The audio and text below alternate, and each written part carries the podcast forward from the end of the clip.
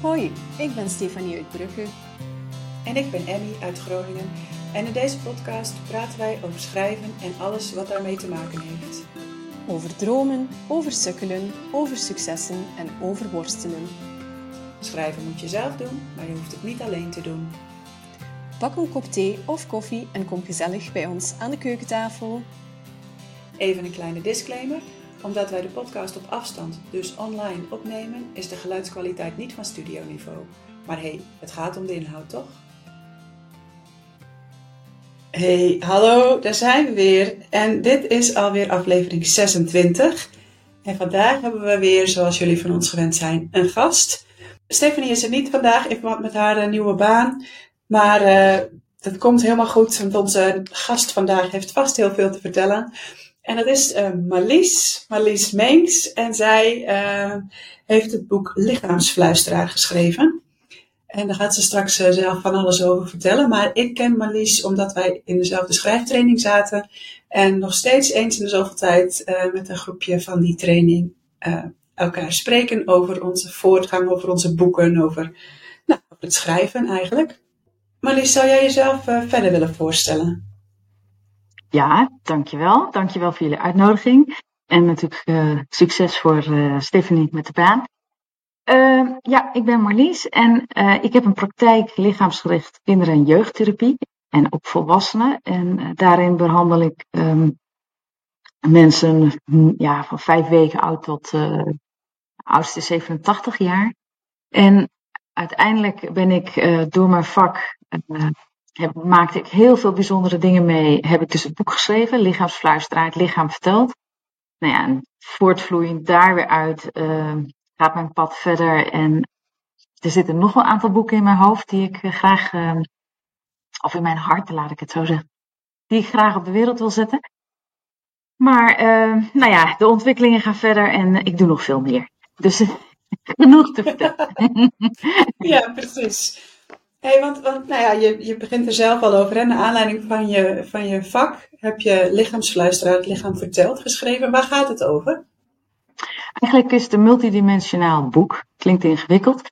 Uh, en mijn, mijn redacteur zei ook, dit soort boeken bestaan niet veel. Uh, het is een boek met uh, mijn eigen verhaal. Um, ongeveer 30 verhalen uit de praktijk. Dus situaties die ik meegemaakt heb uh, met goedkeuring van de cliënten. En natuurlijk niet hun eigen naam erin verwerkt. En daarnaast uh, andere producten die ik ontwikkeld heb in mijn praktijk, dus die ik gebruik of verkoop. Um, en onder andere meer dan 50 tips voor lichaamsbewustzijn. En dus zo zijn het verschillende facetten waar het boek uit bestaat. Ja, dat is, ik heb het boek uiteraard. En uh, ik vond het uh, heel mooi om te lezen hoe jij je eigen verhaal ook beschrijft. Maar dat lijkt me ook super lastig. Ja, was ook niet de bedoeling. Maar doordat ik uh, inderdaad ook de schrijfcoach uh, Kobe inge, inge nou ja, dat we die training ingekocht hebben of, of die training gestart zijn. Eigenlijk, ik wou eerst een ander boek maken. En toen vroeg zij in een soort meditatie: wat was het eerste moment dat je een boek wilde maken? En toen had ik, uh, kwam dit gelijk naar boven tijdens mijn behandelingen. En dat is echt 20, 22 jaar terug. Uh, gelijk al in het begin had ik bijzondere uh, behandelingen. En toen dacht ik: Oh, dit zou ik de wereld mogen willen vertellen. Hoe bijzonder waar ik nu bij mag zijn. Hoe bijzonder de situatie is. Maar dat mag ik niet, want ik heb gewoon geheimrecht. Ik heb geheimhouding. Dus toen die vraag kwam, toen dacht ik, ja, dan moet ik dus daar toch mee beginnen. Want een paar andere boeken zijn hele andere, zijn, zijn andere, daar hoef je geen coach voor in te, in te huren, zeg maar. Dus het is een hele andere samenstelling van boek.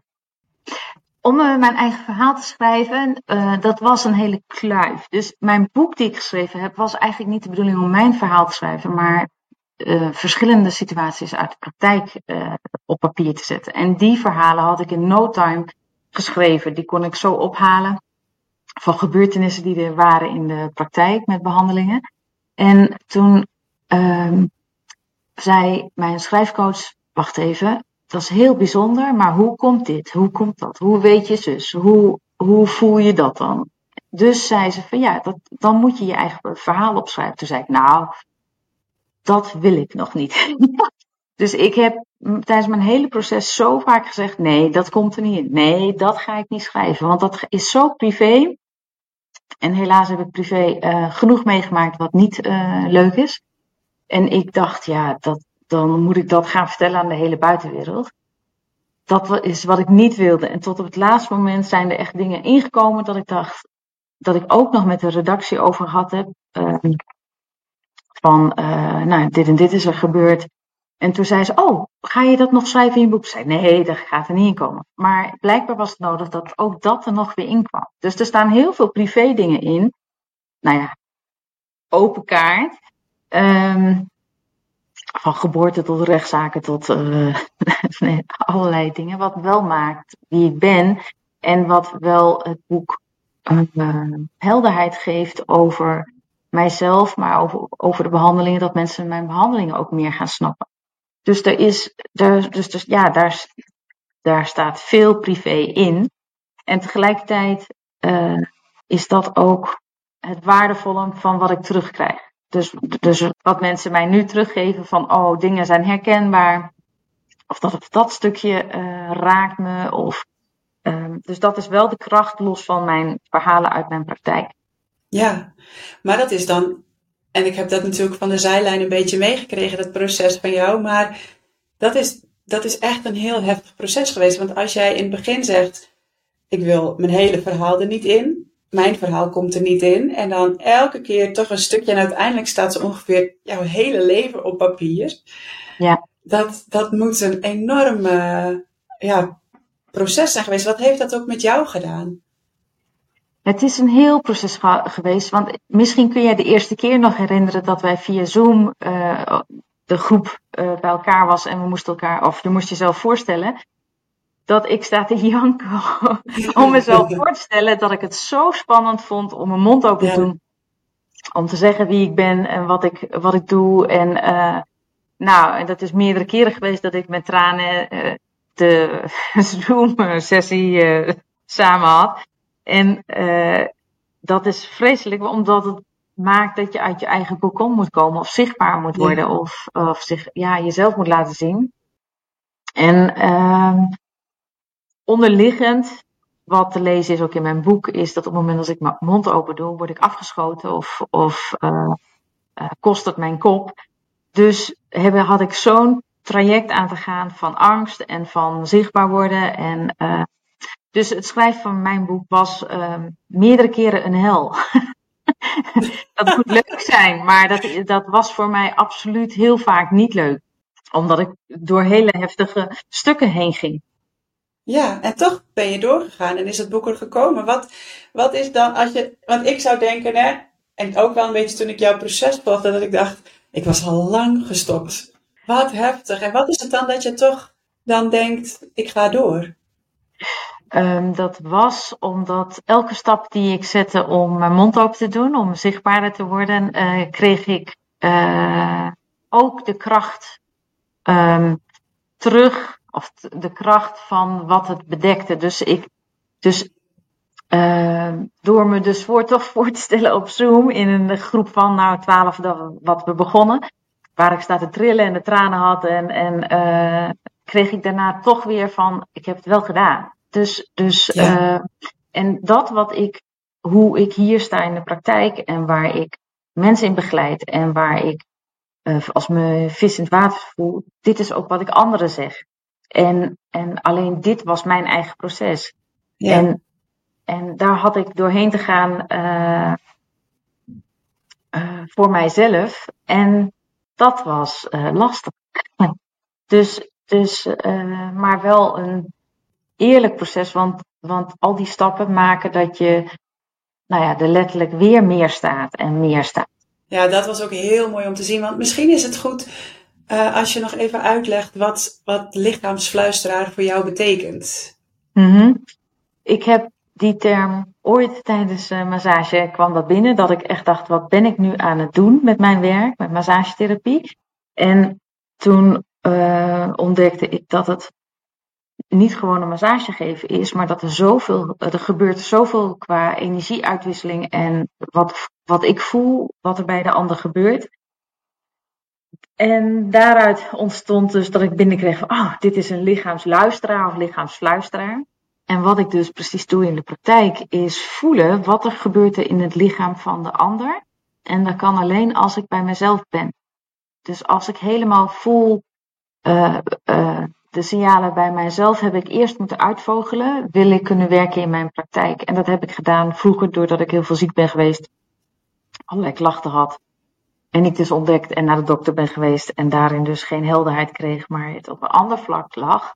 Dus ik heb voordat, eh, tijdens mijn praktijk, maar zeker vroeger, dat zelf moeten uitvogelen. Hoe het functioneert in mijn eigen lichaam. En toen ik ben gaan masseren, vielen al die kwartjes op de plek met hoe de energie stroomt en waar ik blokkades voel. Niet zozeer alleen bij mezelf, maar bij de ander. En dan kan ik dat op de juiste plek leggen of iemand teruggeven van goh, uh, klopt het, dat, dus of zo. En dan met metaforen om te zien, om, om uit te leggen van een voelt zus of zo, of ik krijg beelden. Uh, dus dat is allemaal de paranormale stukken. En wat de vertaling maakt in wat ik merk bij de ander. En, als het, uh, en dan is het heel bijzonder dat het al klopt. Soms bij de eerste vragen met dat iemand tegenover me zit. Dat er al dingen gebeuren met dat iemand in een wachtkamer zit. En tijdens de behandeling hoeveel er voor iemand op de plek valt. Of wat ik kan resetten in het systeem. Dat iemand letterlijk voelt. Nou, het is alsof er bakstenen van, mijn van mijn rug af zijn. Of dat ik. Uh, ik voel me zo anders met dat ik me labiel of burn-out voel dat ik binnenkom. En ik ga nu gewoon ik voel nu dat ik weer sta op de grond op de stoel. Ik voel nu weer dat ik er ben. Dus daarin zijn de behandelingen vanaf het begin heel effectief geweest. Ja. En, uh, en dat maakt dus dat ik dacht, ja, dit moeten veel meer mensen weten. Of, ja. En vanuit daar voelde ik dat ik een boek moest schrijven. Ja, en uiteindelijk word je zo, of werd ik zo geduwd in mijn rug dat ik dat moest gaan doen, uh, dat ik de stappen gezet heb. En is dat ook iets wat je dan heeft helpen doorzetten? Dat je zo sterk voelde van ik moet dit doen. En blijkbaar, dat heb ik je zo vaak horen zeggen ook, van blijkbaar moet dit allemaal gebeuren, want dat boek moet er komen. Ja, dat is, dat is ook zo. Ja, en ik wist ook dat ik het zelf moest uitgeven. Want uh, uh, ja, dat het er echt moest komen. Ja, ja. En is dat, eh, want jij vertelde net hè, dat je, uh, als je een behandeling doet, dat je dan ook soms beelden doorkrijgt of dingen voelt? Of is dat ook iets wat lastig voor jou was om voor te gaan staan of om dat echt openbaar te maken? Uh, ja, heel lastig, omdat ik uh, het probleem wat ik dan, wat ik dus altijd in mijn leven tegenkom, dat doe ik mijn mond open, word ik uh. Dus om dan juist dit soort dingen te vertellen is dubbelop lastig, omdat ik gewoon weet dat in mijn vak, en ik zit dus in het alternatieve geneeswijze, het vak van alternatieve geneeswijze, als je niet oppast, uh, dan heb je de Stichting voor de Kwakzalverij op je dak. En ja, ja. Uh, ja dat, dat kost je gewoon je kop. Terwijl ja. ik bedenk niks, er gebeuren dingen, mensen die ervaren het zelf. En het feit dat het blijkbaar allemaal klopt of dat het uh, goed werkt, is dat ik een overvolle praktijk had of heb. En ja, de, de, dat zal niet voor niks zijn. Nee. En, mensen, en mensen dus ook echt zeggen van, nou, ik kan beter een keer naar jou dan tien keer naar de fysio. Ja, daar kan ik niks aan doen. maar maar uh, het werkt. En, en, maar dat is dus wel lastig, omdat daar de, de wetenschap, ja, dat is een ander stuk. Ja. En ik denk nog steeds, het is veel meer tussen hemel en aarde. Uh, en daarom heb ik dus in mijn boek meer dan 30 verhalen gedaan van behandelingen. Met nogmaals goedkeuring van cliënten zelf. Want het is hun verhaal, of tenminste is mijn verhaal vanuit mijn kant, maar vertelt wat er gebeurd is, wat er gezegd is. Uh, uh, en het is niet verzonnen. Nee. En dus hoe divers het is, want alle verhalen zijn echt divers. En dan zou ik een boek van, ik kan wel honderd verhalen maken. Er zijn ook heel veel verhalen die er niet in staan, of ervaringen die er niet in staan. Dus ik had eigenlijk wel een boek gelijk van 100 verhalen kunnen maken. Maar dan nog begon de schrijfkoos natuurlijk van ja, maar uh, jouw stuk is heel boeiend. Ik wil dat weten. Ja, het geeft ook context, denk ik, ja. aan de verhalen. Ik heb mensen die mijn uh, boek gelezen hebben en die ik al langer in de praktijk heb gehad. En die zeggen, oh, en dat was ook, dat was ook heel mooi. Die, die komen daarna in mijn praktijk. En het is net alsof zelfs die behandelingen een verdieping lager gaan. Dus een verdieping dieper gaan en zeggen: Het voelt alsof ik nu snap wat jij doet. Want ik kan niet van elke behandeling gaan uitleggen. Nu doe ik dit, nu doe ik dat. Nee, ik leg dat niet uit, want het is geen doen. En bij sommige mensen kun je niet veel uitleggen en ga ik niet over. Uh, voor sommige zweverige dingen vertellen. Want dat heeft gewoon geen zin. Daar zijn, zitten zij niet. Dus waarom zou ik iets opzadelen met een oud leven of met een lading? Of nee, die, die, maar dan is het wel bijzonder dat ze dus dan vervolgens in de, in de behandeling echt veel dieper het kunnen oppakken. Omdat ze je boek hebben gelezen en jouw verhaal kennen. Ja, en ook snappen, meer snappen uh, wat er dus nog meer gebeurt. En dat vond ik wel heel bijzonder. Dat was echt toen ik mijn boek uitgegeven had. Daar hou je geen rekening mee. Maar ik had mijn boek uitgegeven en de eerste boeken waren, nou, en de mensen waren aan het lezen. En ik was met een behandeling bezig en toen kreeg ik binnen dat één iemand uit mijn praktijk die in die passage aan het lezen was. En ik schrok er gewoon van, dat ik echt dacht, oh, hoe is het mogelijk? Dit had ik niet verwacht, dat ik kan voelen, oh jij bent met dat en dat gedeelte bezig. En het werd bevestigd later op de app. Ze zegt, Marlies, ik ben nu daar en daar. Ik was in een andere behandeling bezig en in één keer woep blokte bij mij binnen van, oh die en die is aan het lezen en dat en dat stuk. En dat is helemaal niet waar ik mee bezig ben. Want ook nu nog, als, als iemand, als ik over mijn boek heb, denk ik, oh, heb ik dat dan wel of niet in mijn boek gezet, een bepaald thema? Omdat ik dat gewoon niet meer weet. Ik, ik, ja, dat boek is geweest. Dus ik weet niet exact wat op welke pagina staat. Maar nu werd het bevestigd doordat iemand zei, oh Marlies, ik ben aan het lezen en dat en dat raakt me zo. Dat was voor mij niet heel erg bijzonder, maar op dat moment dat het bij mij binnenvloog, dat ik met iemand anders, eh, een cliënt, uh, behandeling gaf, schrok ik dat ik dacht, oh, dit is wel heel erg. Want als ik deze verdieping ook al kan voelen, dat iemand daar en daar mee bezig is, of die is daar, of uh, dat raakt die, nou, die had ik niet aanzien komen. Nee, precies. En kun je, kun je jezelf daar dan ook een beetje voor afschermen? Want ik kan me ook voorstellen dat je niet de hele dag zit te wachten op allemaal beelden of gevoelens van, van anderen waar die mee bezig ehm, zijn. Nee, dat is, niet, uh, dat is ook niet de bedoeling en dat is ook niet wat er dagelijks zo gebeurt. Maar, maar ik krijg wel flarden soms uh, binnen van, oh, die of die heeft het nu over mij. of, um, um, en uiteindelijk hoef ik daar niks mee. Mm, of dat het dat gebeurt en inderdaad, het gebeurt even later. Maar ik weet voor mezelf op dat moment, moet ik er wat mee of moet ik daar niet mee? Wat mee? En soms is de focus daar helemaal niet, want dan ben ik, ik ben bezig met mijn eigen werk. Ja, precies. Hey, dit, is, dit is echt heel erg een persoonlijk proces voor jou geweest. Dat is volgens mij ook al een beetje de hoofdmoot van, jouw hele schrijfproces geweest. Maar um, je bent natuurlijk ook in een schrijftraining gestapt, omdat je dingen over het schrijven wilde leren. Hoe, hoe is dat voor jou geweest? Want eigenlijk, als ik terugdenk aan onze schrijftraining samen, dan herinner ik me vooral jouw persoonlijke proces, maar eigenlijk helemaal niet hoe het het schrijftechnisch, zeg maar, voor jou is mhm. geweest? Um, ik heb dit ook uh, bij de hand genomen om uiteindelijk het boek te realiseren. Dus het is voor mij niet dat ik, want mijn Nederlands is beroerd, mijn zinnen zijn krom en ook in mijn uitspraken kloppen heel vaak. uh, mijn Nederlands is echt uh, gebroken Nederlands, dat is echt dramatisch soms.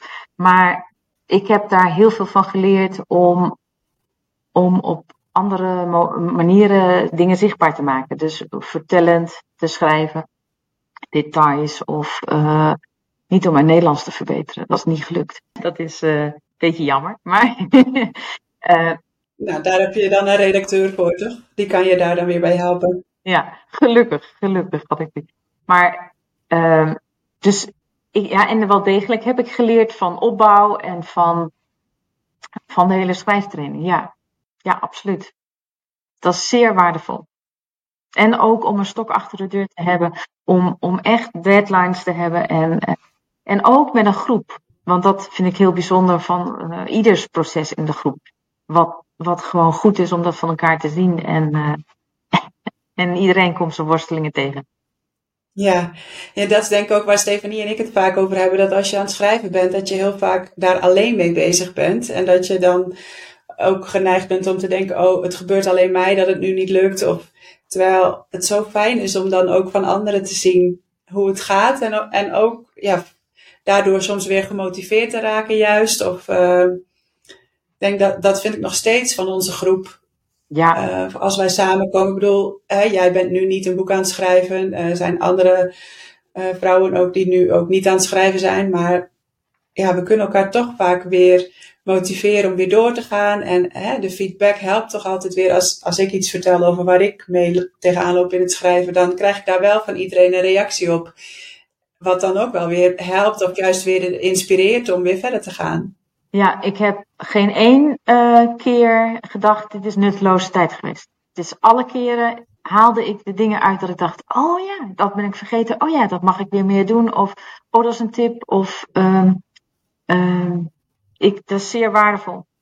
En over dat schrijven is ook uh, dat ik, uh, dat het toch wel degelijk met de andere boeken nog steeds beweging is, dat ik daar wel degelijk mee bezig ben. Dus ook al ben je niet, of zijn we nu niet concreet, hè, dat ik er de tijd voor ingeruimd heb. Um, het zit er wel en er gebeurt ook nog steeds nodig. In je hoofd ben je alweer uh, wel ja. weer bezig met een boek. Ja. ja. Kan je daar al iets over vertellen, Marlies? Of is dat nog uh, top secret? Oh nee, dat is niet top secret. Want ik heb er drie in mijn, uh, waarvan ik er twee in de op, hoe noem dat? In een klad of delen ervan heb, klaar heb. Alleen moet, moet het nog hier en daar bijgewerkt worden. Of moet het het zijn nog niet volledig, ze zijn nog niet volledig klaar. En dat ligt aan teksten. Dat ligt aan uh, een aantal dingen die. Dus sommige dingen heb ik in het net al. Een soort werkboek voor kinderen heb ik in mijn hoofd. Ik heb een boek qua opvoedtips. En daar kwam okay. zelfs vanmorgen nog weer iets dat ik dacht, oeh, die moet ik even opschrijven. Um, en ik heb een boek over energiewerk. Dus, dus zeg maar een soort atlas over het lichaam met, met qua energie, qua, qua uh, verschillende vlakken waarop ik werk, om dat zichtbaar te maken. Oké. Okay. Dus die zijn wel degelijk uh, aan het sudderen. Ja. Maar niet dat ik daar nu tijd. Uh, ik zou eigenlijk wekelijks tijd daarvoor moeten inplannen. Maar mijn schema is zo complex op dit moment dat ik als ik dat erbij zou nemen en ik zou het mijn man nu even vertellen, dan zegt hij, Molly, oké. Ja, jouw schema is, ik weet niet hoe jij het doet, maar uh, ik heb wel eens gezegd, volgens mij slaap jij nooit. ja, ik heb enorm veel, ik doe enorm veel, ja. Volgens mij heeft het schrijven van dit boek jou ook wel aangezet, bijvoorbeeld, tot uh, om stappen te zetten die je, die je dan uh, vorig jaar eigenlijk al hebt gezet, maar waardoor je ook nu weer een opleiding bent gaan doen. Ja, naar aanleiding van het schrijven van mijn boek, uh, Lichaamsfluisteraar, Het Lichaam Vertelt, heb ik een training opgezet. Dus die is afgelopen jaar gestart in september. Ehm, nou, dat vergt ook heel veel, maar dat is een mooie groep waar ik nu mee aan het werk ben. En de nieuwe aanvragen komen ook, dus dat is heel gaaf. En eigenlijk door mijn boek met de kunst, uh, afbeeldingen die ik erin heb gestaan, uh, dacht ik, ik vind het zo zonde dat ik daar niks meer mee doe. Dus doordat het stond in mijn boek, dacht ik, ja, eigenlijk ben ik gek dat ik dat niet meer oppak. Ja, want jij hebt een kunstachtige achtergrond ook, toch? Want je hebt volgens mij hoeden gemaakt ooit. Ja, ja. En vanuit de ik veel dingen gemaakt. En, en dat maakt dat ik uh, nu gewoon, nou ja, niet gewoon. Ik heb me aangemeld voor de kunstacademie en ik ben sinds september, ja. dus sinds een half jaar zit ik op de kunstacademie Artes in Arnhem. Dus doe ik een studie van vier dagen, nee, 40 uur in de week, plus uh, drie dagen werken. Ja, gezin, huishouden. Zo 40 uur studie en drie dagen werken. Dat is ook nog 24 uur, dus dan eh, volgens mij meer nog dan 24 uur, want jij ja. maakt lange dagen ook. Ja. Uh, dus laten we zeggen dat er daar nog een keer bijna 30, 40 uur in zitten. Dan, ja. Dat is toch onvoorstelbaar. En dan maak je sinds kort ook nog zelf een podcast. Ja, is er ook nog bijgekomen. Leuk. Ja. Die heet ook Lichaamsluisteraar, toch? Ja, die heet ook Lichaamsluisteraar. En ja, ik, dat is mede ook te danken aan jou en aan Fini, maar dat is het proces van zichtbaar worden. En hoe kun je elkaar daarin helpen of, uh, of mensen helpen of bewust maken van onderwerpen. En daar ben ik echt super blij mee. Dus ik doe wel wat ik leuk vind. Dat scheelt, denk ik. En ik benut ook wel elke minuut. Ik benut gewoon al mijn tijd. En ik sta niet uren voor de spiegel dat ik denk, god, dan moet ik mijn make-up opdoen. Dus dat is echt bij mij ook twee minuten. Misschien een minuut. Dus, en daar, ik ben wel bezig geweest met die vraag, ga ik misschien ook wel een podcast over maken. Hoe zit dat qua tijd? Want uh, meerdere mensen denken, en dat is niet sinds een jaar of twee jaar, dat was ook tijdens andere opleidingen, dat mensen vragen, Marlies, wat, hoe doe jij dat? Hoeveel uren heb jij extra in een dag? Of, maar dat is niet zo. Ik besteed het. Ik doe blijkbaar iets anders waarom ik uh, zoveel kan doen. Want ik doe echt wel veel. Ja, ik werk heel hard. Ja. Nou ja, ik zou me zo kunnen voorstellen dat uh, social media uh, bij heel veel mensen bijvoorbeeld veel tijd inneemt. Ja. nou doe jij daar wel qua zichtbaarheid af en toe iets in, maar het is denk ik niet zo dat jij snel een half uur door Instagram scrolt of nee. door Facebook. Of, nee. Sterker nog, um, ik heb Instagram misschien nu, nou, ik weet niet eens hoe lang, misschien toen wij de schrijftraining begonnen had ik geen Instagram. Dus dat is echt ook van de laatste, het zal zijn jaar, anderhalf jaar, nog niet eens. Ik, ik zou terug moeten scrollen wanneer ik, uh, ik heb het misschien wel ooit eerder aangemaakt, maar ik heb daar Nee, en, ik, en soms ben ik ook gewoon een paar maanden er even vanaf. Dus ik ben niet zo consistent met regelmatig allerlei dingen te posten. Of nee. nee. nee. Maar dat, dat scheelt heel veel tijd. Want ik ben wel, probeer wel heel consistent te zijn op Instagram met name. Maar daar gaat heel veel tijd in zitten. Ja. alle posts schrijven en um, uh, foto's erbij zoeken. En nee, posts, teksten bedenken. En ja, daar gaat echt heel veel tijd in zitten. Daar ben ik zo, zeg maar, in de week. Een, een werkdag is voor mij dan van 9 tot uh, half 2, zeg maar. Ben ik daar zo een één werkdag mee kwijt.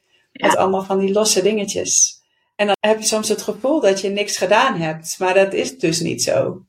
Nee, dat is absoluut niet zo. Want je kunt wel zien hoe mooi jij dat allemaal opgebouwd hebt. Want daar kan ik gewoon niet aan tippen. Daar heb ik echt geen tijd voor.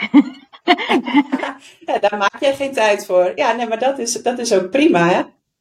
Ja, maar ik kan dat ook niet zo netjes verwoorden of zo. Uh, uh, dat, is, dat is echt wel wat er ook siert aan jouw Instagram uh, post. Dus dat, dat, dat doe jij gewoon heel, ja, heel gaaf en gelikt. Maar dat, dat kan ik gewoon bijvoorbeeld niet.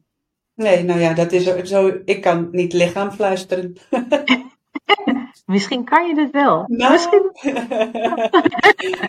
Volgens mij zeg jij ook dat iedereen dat kan, toch? Dat het gaat om luisteren naar, naar dingen die we niet meer gewend zijn om naar te luisteren. Ja, ik denk dat heel veel mensen het meer zijn. Ik ben echt niet de enige. En dat is ook wat leuk. Ja, precies. Ja. En dat is ook volgens mij de, een van de redenen waarom je dat boek hebt geschreven, toch? En dat is ook waarom je, je uiteindelijk toch je eigen verhaal erin hebt gezet. Omdat mensen daar misschien ook dingen in herkennen. En waarom je al die tips er ook in hebt gezet. Ja, ik krijg dat heel veel terug dat mensen zeggen van uh, qua herkenbaarheid, maar ook uh, verademing. Omdat ze zeggen, ik, ik, uh, ik dacht dat ik de enige was. Nee, je bent niet de enige. Ja. Uh, En het stukje van alleen geboren tweelingen, wat ik in mijn boek geschreven heb, dat is, dat is ook dat er heel veel ogen open gaan van, oh, uh, nou, dat wil ik verder onderzoeken. Dus dat is, heel, dat is echt ook heel mooi. En soms uh, krijg ik terug van mensen, of nee, in het begin kreeg ik terug van mensen die zeiden, uh, ik word helemaal rustig van je boek. Dus als ik ga lezen, dan mijn ademhaling gaat er, wordt rustiger, mijn hartslag. En dat ik echt dacht, oh, nou, dat is ook een fenomeen wat ik niet verwacht had. En ja, dat is het gave van uh, de reacties na die tijd. En ook een leuke die ik terugkrijg is dat, ik meerdere boeken verkocht heb aan mensen die al een boek hadden. En die zeiden, maar mijn eerste boek wil ik bewaren voor mezelf. En mijn tweede boek ga ik uitlenen. Dus dan krijg ik nu mensen uh, uh, die, die zeggen, ja, ik heb het boek geleend van. en, en, en dat ik echt denk, oh, dat is, ja, ook dat had ik gewoon niet verwacht. Nee, maar dat is ook wel heel tof. Ja, Ja, ik, ik zou heel veel dingen daar nog over willen vragen, want ik vind het echt super interessant allemaal. Maar uh, daar hebben we in deze podcast helaas geen tijd voor. Dus als je uh, heel, heel graag meer wil weten over uh, Marlies boek en het, en het vak van lichaamsfluisteraar, uh, koop vooral het boek. Volgens mij is het gewoon overal te kopen, Marlies. Ja, ja, via de grote sites en boekhandels te bestellen. Ja, Hey, en uh, dan had je nog, want Lichaamsfluisteraar is eigenlijk niet jouw eerste boek, hè? Want je had ook al Ipi. Ja, ik heb uh, Ipi in Stilland. En dat is een heel, dat is een klein boekje. En dat is wel een bijzonder verhaal. Toen ik in Barcelona was voor een training, en dat was 2019 denk ik, vloog dat verhaal echt binnen. Toen had ik mijn eigen boek, mijn lichaamsfluisteraar is nog niet geschreven. En, en ik wist, nou, dit boekje met beelden, met uh, nou ja, alles erop en eraan, die, die, moet ik, uh, die moet ik uitgeven. Daar begon het eigenlijk mee. En toen heb ik pas, ook door tijdgebrek, pas in het najaar uh, 2019, november, ben ik het uit gaan schrijven helemaal. En toen in januari ben ik in Frankrijk uh, geweest, heb ik de tekeningen helemaal gemaakt. Ik heb het uh, laten drukken in februari. En toen, uh, uit, ja, het was klaar. En toen wou ik de PR beginnen. En toen was uh, 5 maart begonnen corona, of 6 maart. Ja. Dus mijn hele PR van dat boekje van wat ik bedacht had. Nee, wat ik niet bedacht had. Wat, ik, wat binnenkwam. Um, ja, dat, dat, dat viel dus helemaal, helemaal weg. Ik heb er een spiegeltje bij. En ik heb buttons gemaakt. Ik heb meerdere dingen erbij gemaakt. En helaas, uh, corona kwam en het ging alleen maar over corona. En toen later keek ik in mijn boekje en toen ik schrok zelf, omdat in de coronatijd was het uh, de bedoeling dat je uh, een wit t-shirt met een rood hart voor de ramen ging hangen, zoals oh, hè, je hart voor de zorg. En ik keek in mijn boekje en daar is ook Ipi met een precies uh, hartje op, hè, op het hartplek. En het verhaal gaat ook eigenlijk van stilstand, dus het is niet voor, voor niks stilland. Dus alles ligt stil. En uh, in de, de C van corona zit in de spiegel getekend. Wist ik ook niet, want dat heb ik van tevoren allemaal gemaakt. Dus allerlei signalen van wat ik, wat in het boekje was, in het verhaaltje, is eigenlijk de coronatijd. Dus ik, ja, dat is wel heel bijzonder. Alleen de hele PR, het hele boekje is weggevaagd. Ik heb een Nederlandse versie en een Engelse versie. Ja, en die, ja, is gewoon helemaal zonde. Maar voor, die, voor een uh, luisteraars, uh, als er mensen zijn die denken, oh, ik vind het interessant of leuk. Ik wil dus graag twee, uh, twee exemplaren beschikbaar stellen. Een Engelse versie en een Nederlandse versie met een spiegeltje en een button. Um, nou, met, met veel liefde opsturen naar degene die luistert en denkt, oh ja, vind ik, vind ik leuk. Ah, superleuk zeg. En kan je dan nog iets meer vertellen waar IP in Stilland over gaat? Nou, dat gaat er eigenlijk om dat, dat in, het, in Stilland is alles gewoon bevroren en stil. De haren zijn op, tot op de grond. Wij konden destijds ook niet naar de kapper trouwens. Uh, daarin was ook een bevestiging. En het gaat om dat er de hoofdpersoon um, uh, ontdekt een beweging. En daarna is dus het hele land komt in beweging. Het hele Stilland komt in beweging. Oh. En de, het verandert van grauw en grijs naar kleur. En van lange haren naar korte haren. En ja, ik denk dat ook de corona is absoluut vreselijk en is beroerd, maar het heeft ook een hele flow teweeg gebracht dat je het naar jezelf terug mag. Dus Ja. de kern is ook, kijk in de spiegel, kijk in, de, kijk in je eigen spiegel. En dat is mijn proces ook geweest met mijn boek. Ik moest Ja. elk, alle stukken aankijken. Ja. En ook als ik mijn scriptie klaar had, dat ik, en ik weer stukken teruglas, dat ik stond te janken, dat ik denk, jeetje, ik dacht dat ik ergens wel overheen was. Nou, nee dus. Dus ja, kijk in je eigen spiegel. Ja, super tof dat je daar eh, onze luisteraars eh, er ook eentje van wil geven. Dus Marlies geeft er twee weg. Eentje in het Nederlands, eentje in het Engels. En dat is dan haar boekje Ippie in Stilland. Dus als je daar, er komt natuurlijk weer een post online waar je op kunt reageren als je dat graag wilt ontvangen. Laat dan ook even weten of je de Nederlandse of de Engelse versie wil. Marlies, wij vragen onze eh, gasten altijd eh, nog eventjes om de ultieme tip. Nou, je zei al toen je mij daarover mailde van misschien verwerk ik het wel in mijn verhaal, maar is hij al naar voren gekomen of kan je hem nog met ons delen? Nou, eigenlijk is dat. Ik heb wel al heel veel tips, maar goed, dat is inderdaad tijd natuurlijk jammer. Maar het stukje kijken in je eigen spiegel, dat is wel wat mijn proces is geweest en wat ik ook voor sta hier in de praktijk. En wat denk ik echt nodig is van, uh, kijk, ga je eigen proces en ga in contact met jezelf, ga naar binnen toe en voel wat nodig is. Dus kijk in, in je eigen spiegel. En een andere tip is ook van ga gelijk sparen voor elke bladzijde die je schrijft. Dus zet gelijk geld opzij voor de bladzijden die je schrijft om, om het zelf uit te geven. Op het moment als je afhankelijk wordt van een, een uitgever of daarbij in het bakje wil komen, um, doet het wat anders met je. En ik heb gespaard gelijk voor die tijd, uh, omdat ik wist, ja, dit wil ik graag. En uh, corona knibbelde aardig wat van mijn budget af. Want ja, ik had natuurlijk nul inkomen. Uh, maar uh, ga gelijk, zodat je, zodat je zelf ja. eventueel het zelf kunt uitgeven. Al is het in een kleinere oplage. Ja, zodat je niet afhankelijk bent van wie dan ook. Ja, precies. Dat je ook zeker weet dat je boek er komt. Ja, dan komt je boek er uh, sowieso. En dat is het echt waard. Wil je ja. dat echt, dan, dan ja. En daarbij in eigen beheer. Um, ja, klinkt raar, maar heb je het ook onder controle ja. of weet je ook wat je wil of niet wil? En de een die wil gewoon duizend boeken uitgeven en de andere of tienduizend of dergelijke. Maar dan begint het in ieder geval ergens met een start. En zou het overgenomen worden, is het dan toch een goede bestseller en uh, heb je goede verhalen, dan kom je echt wel ergens anders in een bakje van de uitgever. Voor andere boeken, maar dan heb je je start gemaakt. Want dit stukje van zelfstandig functioneren of je in de spiegel aankijken, jezelf aankijken, is echt nodig om uh, je eigen verantwoordelijkheid te pakken. Ja, ik vind, ik vind hem heel mooi, want ik denk ook in de spiegel aankijken, dat kun je hè, op persoonlijk vlak uh, interpreteren.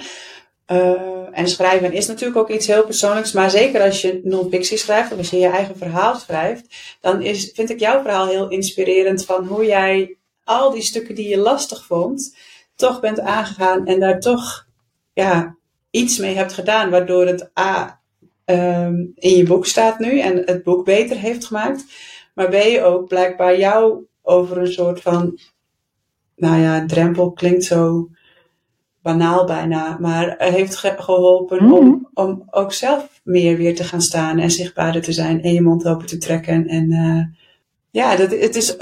In al die stukjes, elke keer. Maar ook als je fictie schrijft, denk ik, want ook dan worstel je met dingen die je misschien liever uit de weg gaat en waarvan we nu van jou hebben geleerd van het is juist heel goed om, om die aan te gaan. Ja, want het maakt je elk moment sterker voor, voor, voor jezelf. En het gaat om dat je uh, dat in de wereld brengt wat blijkbaar nodig is. Ja, precies. Ja, mooi. En blijf je onder de deken zitten, dat is echt, echt heel zonde. Ook al zijn er tig boeken over, nou ja, over wat voor onderwerp dan ook. Uh, elk verhaal is uniek. En als ik zie hoeveel stappen het mij nu verder gebracht heeft met wat ik nu doe, dan denk ik, oh, ja, dat, dat, dit was zo nodig. Ja, precies. Ja. Mooi Marlies, dankjewel. Graag gedaan, dank jullie wel. Ik vind het echt heel tof dat je dat je, je verhaal uh, nog met ons hebt willen, willen delen. Ja, dus uh, als je IP in Stilland in het Nederlands of in het Engels uh, graag wilt ontvangen, wij verloten van beide één namens Marlies. laat het dan even weten onder de post die binnenkort online staat. Dankjewel Marlies. En um, voor onze luisteraars tot de volgende keer. Hey, leuk dat je weer geluisterd hebt. Luister je graag naar Schrijfpraat en wil je ons ondersteunen? Dan kun je doneren via petjeaf.com schrijfpraat. We zetten de link ook in de show notes. Je kunt ons ook helpen door een review te schrijven of een beoordeling te geven. Vijf sterren of zo. Daardoor komen wij hoger in de lijsten en help je nieuwe luisteraars om ons te vinden. Deel de podcast ook gerust in je netwerk of op social media en tag ons dan even. Wij vinden het superleuk om te weten wie je luistert. Heb je vragen of is er een onderwerp waar jij onze mening of ervaringen over wilt horen? Of is er iemand die je graag als gast in Schrijfpraat zou horen? Laat het ons dan weten. Dat kan via Instagram, at Stefanie Kroes, Insta en at Emmy de Vries,